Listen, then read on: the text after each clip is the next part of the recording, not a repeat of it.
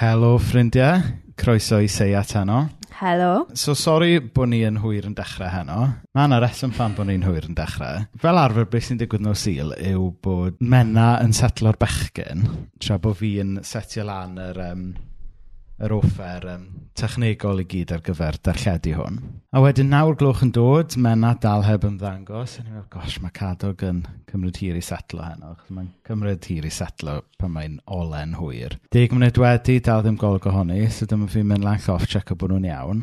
Ac, um, ac oedd mam wedi syrthio i gysgu. Mm. So gobeithio bod chi'n gwerthorogi fod Mena wedi deffro a codi o'i gwely oh, yn arbennig da. i ger ymlaen i ddarlledu ar y cordio hwn heno. Fi rili eisiau mynd nôl i gwely. Ond dwi'n meddwl bod hwn yn... Uh.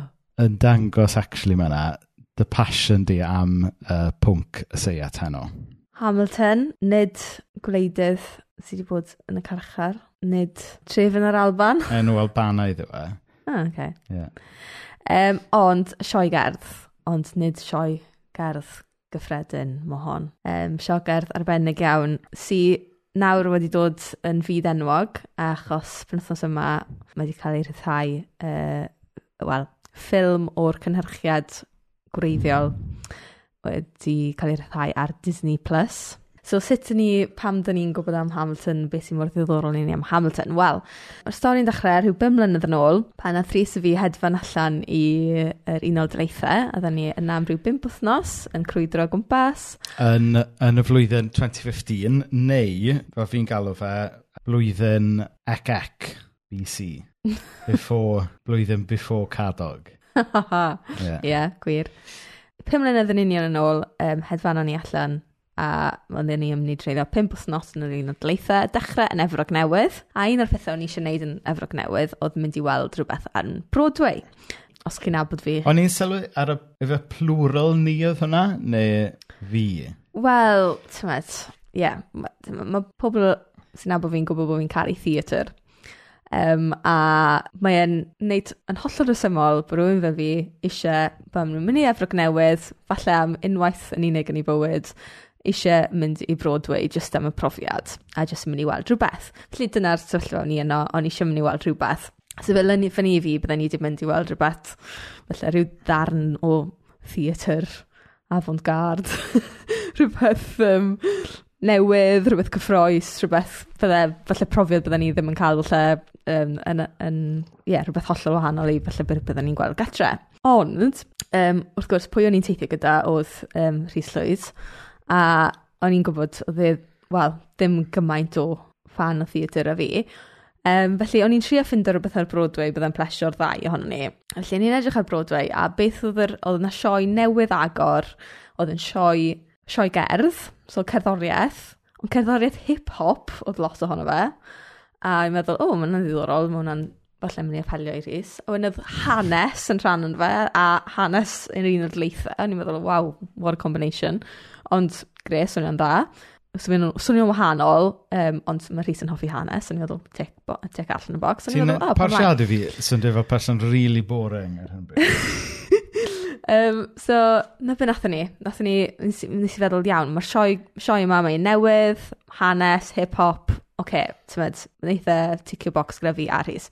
Felly ni'n meddwl, reit, so ges i'r tycynnau ola i'r previews, a wedyn ni'n meddwl, iawn, gen i weld sy'n fydd e Iawn, okay, gret. Wedyn athyn ni weld y sioe a wnaethon ni just cael, och, blown away fel nhw'n gweud yn Saesneg. A oedd e jyst yn anhygoel, profiad ffantastig. A ni'n meddwl, waw, mae'r sioe yma mor dda.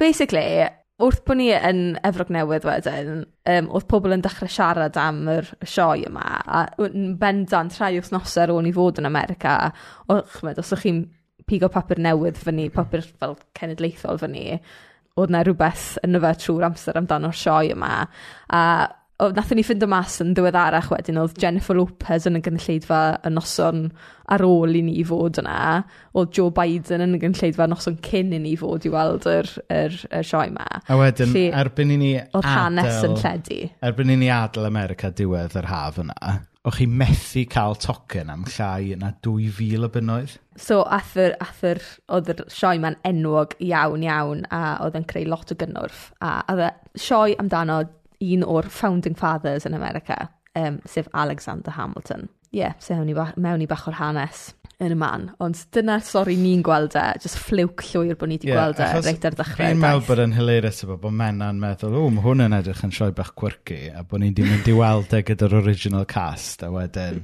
chydig flynyddoedd wedyn, mae e'r sioi gerdd mwyaf, tybod, ers degawdau, e, yeah. um, a pobl yn neu pethau ridiculous i gael to cynnau. Ond mae yna reswm pan bod ni wedi dewis wneud sioi am Hamilton heno, sef pen wythnos yma mae'r recording o'r sioe ar gael ar Disney+. Plus. So, i chi sy'n uh, gyda Disney+, Plus, um, allwch chi wylio y sioe. I chi sydd ddim yn gwybod beth di Disney+, Plus, mae e fel iPlayer ond efo stwff Disney. Mae lot fawr o bethau mae Disney wedi wneud arno fe, bron yeah. popeth, o back catalog. So mae'n handi iawn os oes gyda chi blant. mae Disney Plus wedi bod yn um, lifesaver yn y lockdown efo plant bach. A gyda llaw, dwi'n sylwi bod mam yn gwylio, a bod mam falle meddwl, o, oh, ti'n bod mae, bod um, bechgyn ni'n mynd i siarad mwy o Saesneg nag o ni fel arfer yn cael Disney Plus yn set ar Sbeineg, un dwrnod ni'n cael yn set ar Portugeeg, a fel nes i rhannu chydig wythnosau nôl, nath, nath cadog um, ddod, ddod lan at ni cwpl wythnosau nôl a dweud, Dafydd yw amigo fi, So mae'n amlwg bod e wedi dechrau pigo lan ieithoedd eraill trwy, trwy Disney+. Plus. Beth am mynd ati i siarad bach amdano um, yr hanes ni, ymateb ni i'r sioe, um, hwff ganeion. So i ddal eich sylw chi tan ddiwedd y sioe, a bydd sioe hen o rhywfaint yn fyrach na'r na arfer, um, felly newch chi sylwi bod yna biano tu ôl i ni. A hyn oherwydd um, bod ni'n mynd i berfformio dau o ganeuon y sioe. So, i ni, tua diwedd y sioe, i ni'n mynd i berfformio dau o ganeuon Hamilton. I ni'n mynd i berfformio y gan enwoca, sef y gan Alexander Hamilton, yr un sy'n reit ar ddechrau sioe. A ni hefyd mynd i berfformio wedyn i orffen um, can y King George, efe? Dyna yeah. ni sôn mwy am y cymeriad yna mewn chydig bach. Ond o'n i just, wrth bod mae yna jyst yn cael ei meddyliau at ei gilydd. O'n i jyst yn dweud, dwi, fel mae Menna wedi awgrymu, dwi ddim really yn berson sioe, sioe y cerdd. Tyfo, fatha, dwi'n gwerthorogi drama dda ar y chwifan, ond mae sioe gerdd bach yn, tyfo, bach yn cheesy. Pum dyrnod yr yddyd? Ie, yeah, mae ma na... Mae pum dwrnod yr yddyd, fi'n fan mawr o pum dwrnod yr yddyd, ond on, on oherwydd oedd yn golygu rhywbeth um, sort of personol i fi mewn cyfnod o fy mywyd, achos pan nes i ddechrau ysgol uwchradd, nath yn ysgol ni wneud pibdrod o ryddid, ac oedd e'n, ia, yeah, oedd e'n lot o hwyl a cynnig yn ffantastig. So, heblaw am pibdrod o ryddid, Hamilton yw fhof rhoi cerdd, oce? Okay? um, ag, um, ond y rheswm pam yw, um, a dyw hwn ddim rili'n really dod drosto ar, y, ar y recording sydd ar Disney+. Plus. A dyw ddim chwaith yn dod drosto os chi'n mynd i weld Hamilton yn Llundain, achos mae e... Uh, yn Llundain erbyn hyn. Wel, dyw e ddim literally ar hyn o bryd achos y lockdown. Ond um, pan o'ch chi'n mynd i weld Hamilton yn Broadway gyda'r cast gwreiddiol ac o'ch chi yna'n fyw, oedd e'n teimlo mwy fel bod chi mewn gig hip-hop na bod chi mewn sioe gerdd. A pan fi'n golygu hwnna, hynny oedd y perfformiad yn really gutsy. Mm. Um, ac ar, ar rywydd yn eitha fel sloppy, ond mewn ffordd fel da. Um, doedd e ddim fel... Ti'n bod fel mae pobl perfformwyr sioe y cerdd, maen nhw'n perfformio popeth yn hollol broffesiynol. Ond oedd, oedd y cas gwreiddiol Hamilton, oedd, oedd nhw mwy fel band, ti'n bod, oedd jyst mm. yn mwynhau'r perfformiad a freestylio, riffio, pethau. Ond hefyd, oedd y ffordd oedd y sŵn yn cael ei gymysgu, as in, oedd e'n really uchel, tyfod. Oedd e fel bod mewn gig, nid bod mewn theatr. Achos pan chi'n mynd i weld pethau mewn theatr, hyd yn oed sioe a cerdd, mae'r ffordd mae'r gerddoriaeth yn cael ei gymysgu, mae e bach yn fel timid, ti'n gwybod. Hynny, mae e'n sŵn gwahanol i tesa chi yn mynd i gig, ti'n gwybod. Mm. Ond pan o'ch chi'n mynd i weld Hamilton efo'r cas gwreiddiol yn Broadway, oedd just y bass yn really hitio chi, ag, ie, yeah, oedd yn briliant, really beth nath wneud Lin-Manuel Miranda sy'n tu ôl i Hamilton a fe oedd yn actio'r Hamilton os chi'n gwylio fe ar Disney+. Plus a fe nath ni weld yn, fel yn rôl Hamilton. Nath e ddarllen hanes y dyn ma, Alexander Hamilton. Oedd na rhywun wedi sgwennu uh, cofiant newydd iddo fe a oedd Lin-Manuel di, dach, di darllen y stori ma. Mae'n stori mor anhygol a nath ei weid, stori hip-hop yw hwn. Felly, um, Nath e jyst mynd yn holl obsessed o'r stori a jyst dechrau meddwl am stori'r dyn ma fel stori hip-hop, fel dyn yn codi o'r gwter ac yn dilyn i freuddwyd, really. A chi'n gweld y dau fyd yna'n cwrdd, really, yr hanes yn cwrdd a'r holl fatha, um, yeah, byd hip-hop, ydy y gwir. Dyna beth sy'n tu ôl i'r peth, a fi'n credu beth o ti'n siarad amdano, ti'n pa mor gytsu oedd perfformiad, yn enwedig yr un Efrog Newydd, ti'n o'n nhw'n bobl, tyd, o'n nhw on a mission, really. Oedd na lot o gwleidyddiaeth tu ôl i ymlaen tu ôl i beth o'n nhw'n neud, really. Oedd yna lot o negeseuon o'n nhw eisiau cyfleu. A lot o'r themau wedi dod yn lot mwy a mwy agos i'r asgwrn a mwy amlwg, really, wrth i'r blynyddoedd mynd ymlaen. Um, achos pam oedden ni, tyd, Obama oedd yr arlywydd yn America pam wnaethon ni weld Hamilton, A wedyn, wrth gwrs, thema mawr yn Hamilton yw um, mewn mewnfudo, immigration a'r ffaith bod Hamilton um, yn ddyn o Puerto Rico, wel un- India'r Gorllewin ife, a wedyn bod e, wel 'di mynd i Puerto Rico wedyn mynd mlaen wedyn i um, yr un Unol tleitha. Ti'n cofio beth yw'r cwt enwog o un o cnion am yr mewn fudwyr. So mae e'n siarad gyda un o'r bobl eraill sydd wedi um, um, mewn fideo i America a mae'n gweud immigrants we get the job done. Mae hwnna'n un o'r lein sy'n cael fel bloedd mawr gan y gynllidfa a bob tro maen nhw'n gwneud y cynnyrchiad mae'n debyg achos maen nhw'n gwneud pwynt amlwg fan ar bod yr mewn fudwyr bod nhw'n teb, taw nhw yw America mewn gwirionedd, tywed, bod nhw, nhw sydd wedi creu America. Um, a wrth gwrs, o ran America dyn ni'n nabod heddi e, yy ma' lot o wirionedd yn hwnna so mae hwnna i gyd yn yn ddiddorol. O'n i eisiau sôn amdano yn dod yn timod bod taw um, artistiad croen ddi o leiafrifoedd ethnig sy'n cael sy'n chwarae'r rhan yma Um, a am sawl rheswm oedd Lynn Manuel Miranda'n dweud i hun fel rhywun o dras Lladinaidd America Laden, oedd e yn gweld timod ddim lot o cyfleon o ran rhannau oedd e'n gallu cael yn bydd y theatr gerdd te.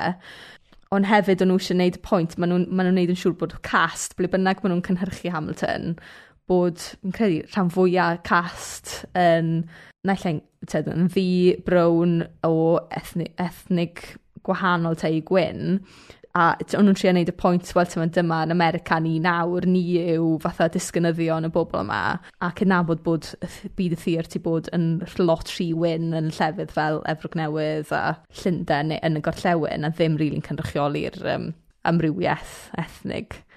Ond ie, yeah, fi'n fi gweld hwnna, oedd hwnna i gyd yn ddiddorol hefyd, a tyma, fel o'n i'n gweud, Obama oedd y llywydd arlywydd pam nath, ni, nath y peth cael ei greu, ond wedyn dath Trump fewn a natod yr holl issue o ran mewnfudo ddod yn llawer mwy amlwg a gwleidyddol really, achos holl narratif Trump yn erbyn y mewnfudwyr a pethau. So yn sydyn oedd y sioe yn really, really gwleidyddol a nath yr dirprwy ar lywydd, Mike Pence, nath ei weld y sioe yn Efrog Newydd a nath y cast actually aros ar ei traed a wneud araith ar y diwedd, just i, i wneud y pwynt, wel, allwch chi ddim dod yma i fwynhau'r sioe gerdd yma heb sylweddoli bod yr pwnc yma yn rhywbeth dych chi ma'ch te, agwedd chi a'ch a'r narratif i chi'n rhoi mas amdano mewn fydwyr yn hollol fel anerbyniol ac yn wrthyn i ni te. So, ie, yeah, mae hwnna wedi bod yn bwnc mawr iawn yn Hamilton.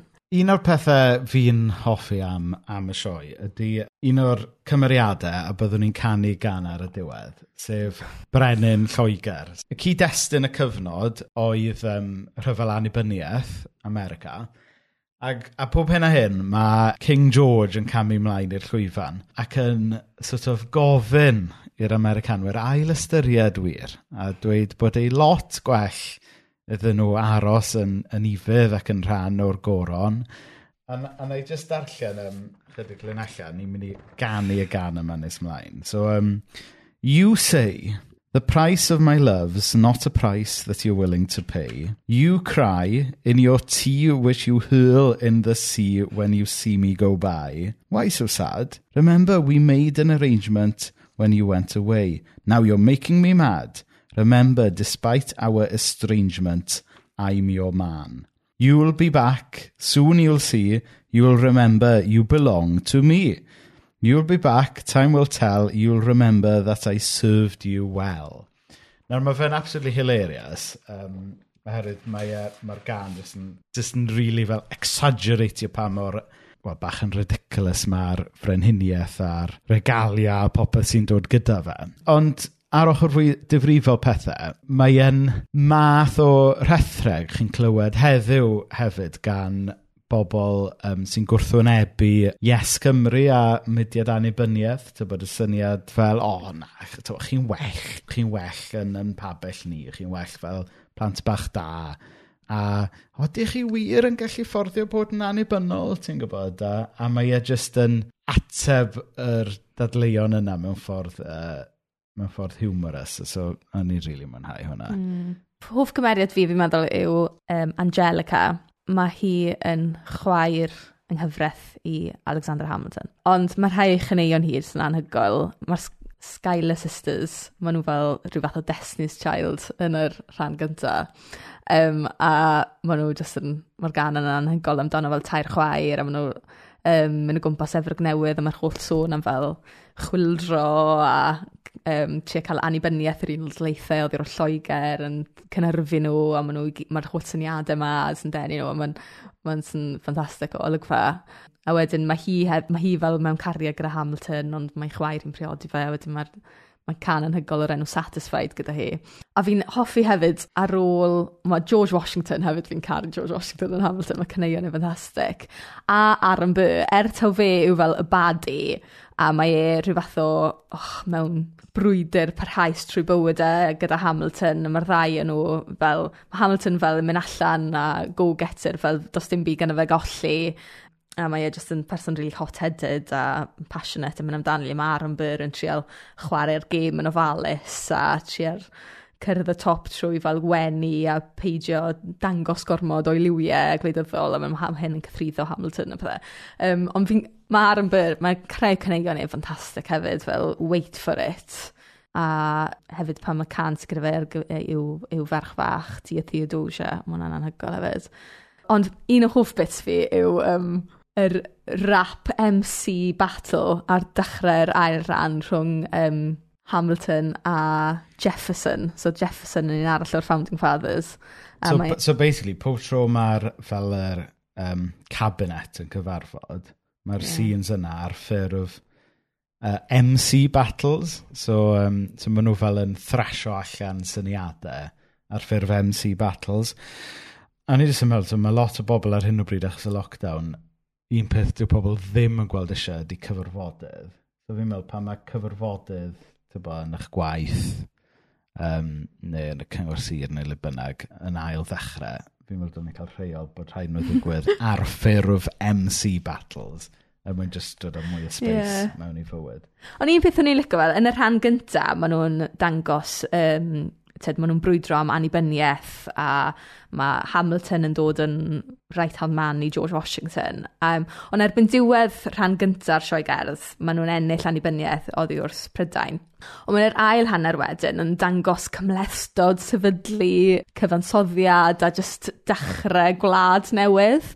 A bod hwnna'n ie, yeah, mae George Washington yn gweud, mae'r darn yma yn mynd i fod lot mwy anodd mewn ffordd, er ta bod nhw wedi gwneud y brwydro, ond mae'r darn anodd dwi e ddim yn meddwl bod hi'n plain sailing ar ôl ti ennill y frwydr yna, fel mae'n ma, ma, dal yn waith anodd fel sefydlu glad. Ar y pryd, fi'n cofio hwnna'n resonato eitha lot gyda fi, achos o'n i'n meddwl am tymed, Cymru, really, a tymed, rhan, oce, okay, ti'n lli ennill datganoli, neu tymed, gobeithio annibyniaeth, ond wedyn, tymed, mae yna lot o waith i wneud ar ôl yna, dwi e ddim mor syml a ennill, a nath ni siarad am hyn lot o thoswethau gyda Colin, dim ddim mor syml ennill annibyniaeth, oedd yn beth pa fath o Gymru ti'n mynd i fyw yn do, really. So, oedd hwnna'n hwnna, resonatio eitha lot o fi hefyd. Mm. O ran, ti'n bod, themau y ffydd a pethau sy'n codi yna fe, mm. fel mae yna un, wedi'n bod yn thema, ond un um, ffaith diddorol, mae'r um, mae protagonist Aaron Burr, sef y dyn yn y diwedd sydd yn seithi um, Alexander Hamilton i'w ferwolaeth. Ah, oh, spoilers! Oh, sorry, spoiler. Spoiler. O hanes yw e. Pobl, ta os chi'n cymryd hanes, byddwch chi'n gwybod hynny. Ond Aaron Burr yn wyr i'r diwygiwr Jonathan Edwards. So, um, Jonathan Edwards oedd... Mae sort of um, Daniel Rowlands America, so fe oedd fatha'r pregethwr mwyaf enwog yn, yn y diwygiad. Fe na sgwennu llyfr enwog o'r enw um, Sinners in the Hands of an Angry God. A dau gynadleth wedyn, mae wyra yn seithi Alexander Hamilton i farwolaeth. Ond oedd hwnna'n rhan o'r diwylliant, cofio, oedd fel oedd hwnna'n... Oedd e- nhw ddim quite wedi outlawio gwneud hwnna, nag on. Fel oedd nhw'n gwneud rhyw fath o... Ie, um, yeah, so fel duel. Duel, oedd e. Ac oedd yna rheola i'r duels. Ond... Hollol bizar. Ie. Yeah. Yr unig beth newid, yw, doedd wirion Williams Pantacelyn, Daniel Rowland a Howell Harris ddim yn o gwybod lle yn seithi pobl. Digon teg. Mae falle o'n nhw wedi... O, falle o'n nhw, ie, good point. Wel, os o'n nhw... Byddwn ni'n gwybod amdano. Does dim sio gerdd amdano fe. Na. So maen nhw wedi gwneud job da o gadw fe'n dawel. Na den. Pa i dechrau rhwma nawr? Wyr William Williams Pantacelyn wedi lladd rhywun. pa i dechrau rhwma'r bod fe ddim wedi? Dwi'n meddwl bod... Um... Mae chydi, fydd Fawn Roderick ar y dywod i na. Neu gwybod Fawn Roderick yw wyr William Williams Pantacelyn? Mae hwnna bach yn as. Na. Mae'n perthyn rhywsyd. Anyway. Disgynnydd. Disgynnydd, ie. Yeah. yeah. Le ti eisiau mynd yn nesaf? Newn ni just un, un pwynt bach arall cyn i ni fy mewn y cyneuon? Na, na, llyn ni mewn y cyneuon, ie. Yeah. Ie, yeah, so, so just treat bach i chi heno. Ni'n mynd i orffen trwy um, perfformio dau o gyneuon y sioe. So, mae'r un yn gyneuon anodd iawn. Yr un gyntaf ni'n mynd i wneud yw yr un sy'n agor o sioe gerdd. So, mae'n rhyw fath o tros olwg o fywyd Alexander Hamilton. So mae'n cyflwyno fe fel, ie, yeah, bachgen yn dod o ddim byd, really, i gyrraedd America. A, ond mae fe'n chwarae mewn i'r narratif, ti'n mae un o'r llunellau yw enefrog newydd, gallwch chi fod yn ddi newydd. O, oh, mae hwnna'n cyfeithio, rili dda. Ie, yeah, enefrog newydd, gallwch chi fod yn ddi newydd. A, ti'n yr holl fatha American Dream, really, ti'n um, bod chi'n gallu symud i America a gwneud rhywbeth o'ch hun. Wrth gwrs, mae gymaint o bobl wedi symud i America dros blynyddoedd a wedi gallu dechrau bywyd newydd a wedi gallu gwneud rhywbeth o hun, ond mae gymaint o bobl ddim wedi hefyd. A ti'n mynd, un o'r pethau nath ni weld, really, pan o'n i'n America oedd, tymod, gymaint mae'r reiddwyd yma wedi twyllio bobl hefyd. Um, a mae hwnna'n beth rili really, yeah, trist i weld hefyd. How does a bastard orphan, son of a whore and a Scotsman, dropped in the middle of a forgotten spot in the Caribbean by pover- poverty, impoverished and squalor, grow up to be a hero and a scholar. The ten dollar founding father without a father got a lot farther by working a lot harder, by being a lot smarter, by being a self starter by 14. They placed him in charge of a trading charter, and every day while slaves were being slaughtered and carted away across the waves, he struggled and kept his guard up.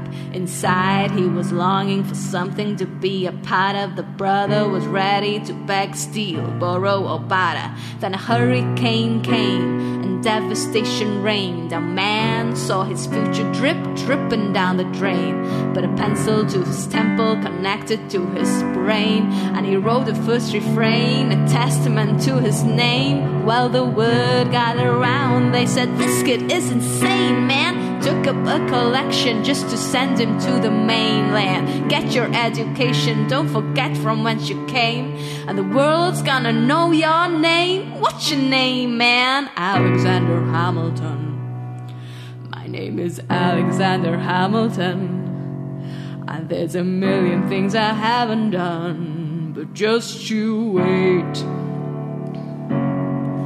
When he was ten, his father split full of it, dead-ridden. Two years later,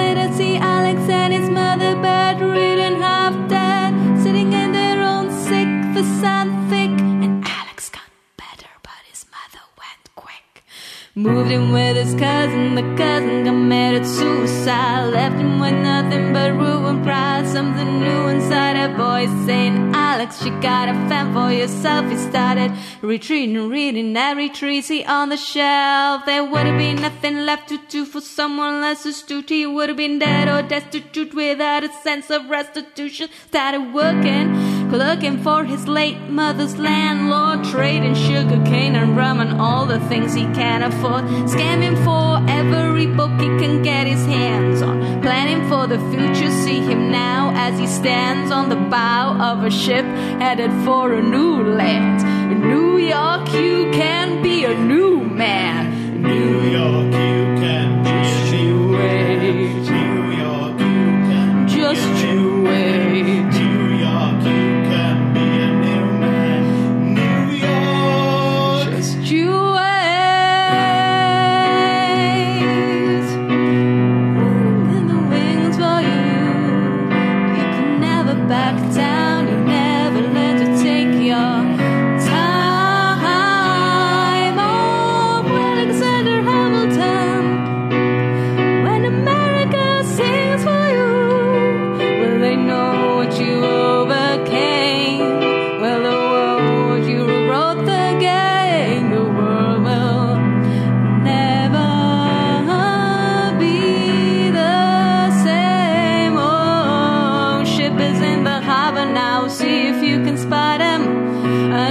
immigrant coming up from the bottom. His enemies destroyed his rub. America forgot him. We, we fought with him. Me, I died for him. Me, I trusted him. Me, I loved him. And me, I'm the damn fool that shot him.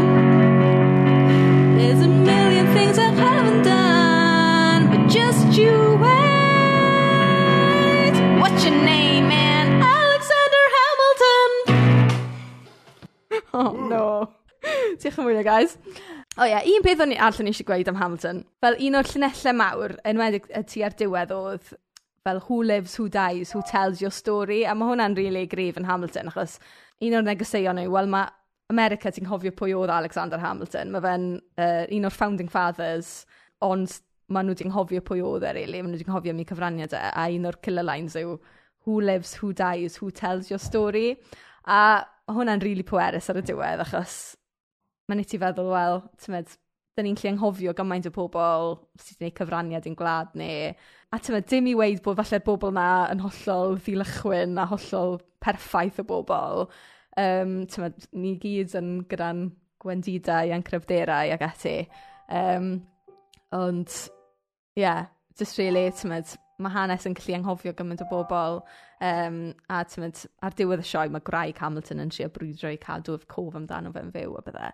Um, ond mae'n neud i'n di meddwl am pobl falle yn hanes ni fel Cymru, mae'n gymaint o bobl dyn ni'n anghofio amdano a mae eisiau ni cadw'r cof amdano nhw'n fyw, cadw'r um, yeah, atgoffa yn gilydd am y cyfraniad nhw. A tymod, yn ymwedig achos yng Nghymru, dyw hanes Cymru ddim yn cael ei dysgu yn dda iawn yn ysgolion ni Um, a pan fi'n golygu hanes Cymru, fi'n meddwl pob math o hanes Cymru, as in, yeah, hanes pawb, really, tymed. Ond ni angen cael addysgu'n hunain addysgu'n gilydd am yn hanes go iawn ni.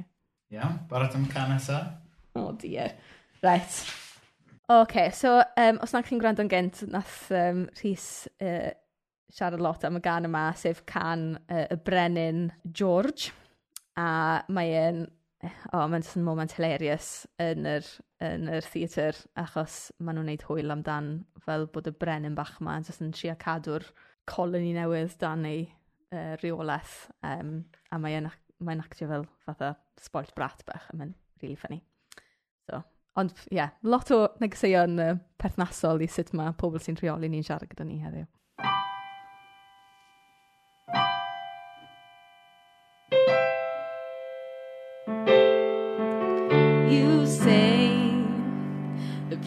Price my love's not a price that you're willing to pay. You cry, is your tea which you hurl in the sea when you see me go by.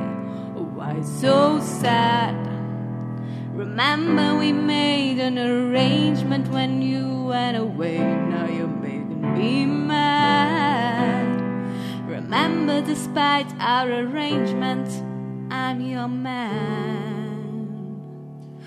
You'll be back soon, you see.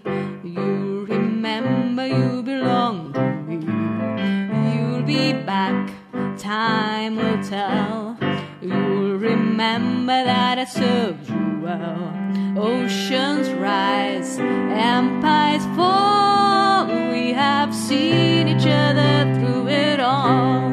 And when push comes to shove, I will send a fully armed battalion to remind you of my love. Da da da da da.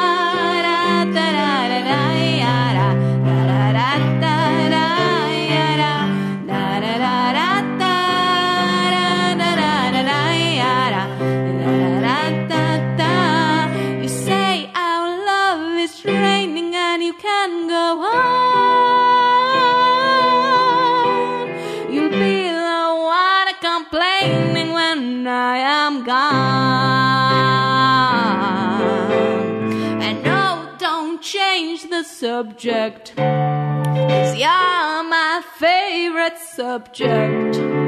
My sweet, dismissive subject. My loyal, royal subject. Forever and ever and ever and ever and ever you'll be back like before I will fight the fight and win the war. For your love for your praise. And I love you till my dying days. When you're gone I'll go mad. So don't throw away the thing we had. Cause when push comes to shove I will kill your friends and family to remind you of my love. Da da da da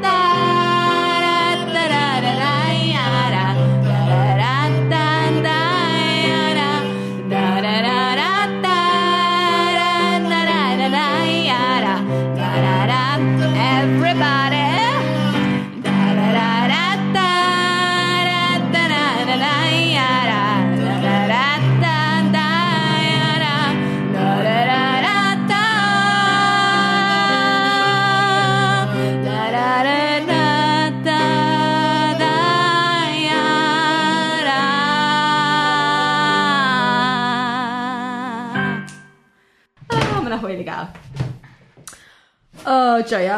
Diolch yn nghanol Thomas yn gweud gwella neithiwr. Fi'n gwybod bod chi wedi mwynhau gweld Hamilton neithiwr.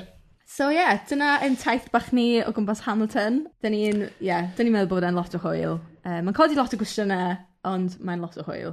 A mae'n anol iawn i ni. Nes i actually um, gwrando ar Hamilton pan o'n i yn um, Labour gyda Nedw, so ni yn yr sbyty yn pwysio ac yn gwrando ar Hamilton, a oedd wedi helpu fi lot, actually. Gai jyst gorffen gyda i wneud un pwynt difrifol, sef um, un peth sy'n bwerus am Hamilton yw, mae, e, mae'n cyfleu stori, mae'n cyfleu gwirionedd, mae'n cyfleu negeseuon mewn can. A dwi'n meddwl mae rhywbeth ar y cael yn hwnna. Mm. Weithiau, mae pan i chi jyst yn siarad efo pobl, dyw rhywbeth jyst ddim yn cytio trwyddo, ond mae cerddoriaeth yn cario rhywbeth extra dydy just geiriau weithio ddim yn neud. Digwydd bod oedden ni'n... Um, da chi ddim fod neu hyn, dwi ddim yn rhywbeth necessarily healthy i wneud, ond oedden ni'n edrych yn dod yn nôl dros y stwff da ni wedi bod yn rhoi allan fel rhan o'n gwaith ni'n Cersalem. Ac oedd y ffilms basically addoli, y ffilms o bobl yn arwain caneuon, yn amlwg yn connectio lot mwy na just pobl yn siarad. Dwi'n meddwl mae rhywbeth yn hwnna. Ta, allwch chi gymryd a, a gweld o hwnna um, beth ych chi moyn, ond falle mae dyna un rheswm mae Hamilton wedi cydio. Tasech chi just yn clywed darlith am Hamilton, sa fo'n really diflas, ond mae Lynn Manuel wedi just dod o fo'n fyw uh, mewn cyneuon. So, ffrindiau, diolch fawr iawn am diwnio mewn atyn ni heno. Um, bydd hwn ar gael i chi wrando nôl fel oh, podcast yeah. ar Apple Podcast, Spotify um, a seiat.net. Um, byddwn ni ddim gyda chi wythnos nesaf. I ni'n cael brec no sil nesa. So, bydd, bydd dim sioe no sil nesa, ond gobeithio, os byw ac iach, byddwn ni nôl gyda chi mewn pythefnos. Da ni lot o syniadau ar gyfer dyfodol, so ni'n excited iawn. Wel, dwi'n excited iawn. Iawn. Diolch am ymuno dyn ni. Hwyl fawr ffrindiau. Ta-ra. Ta.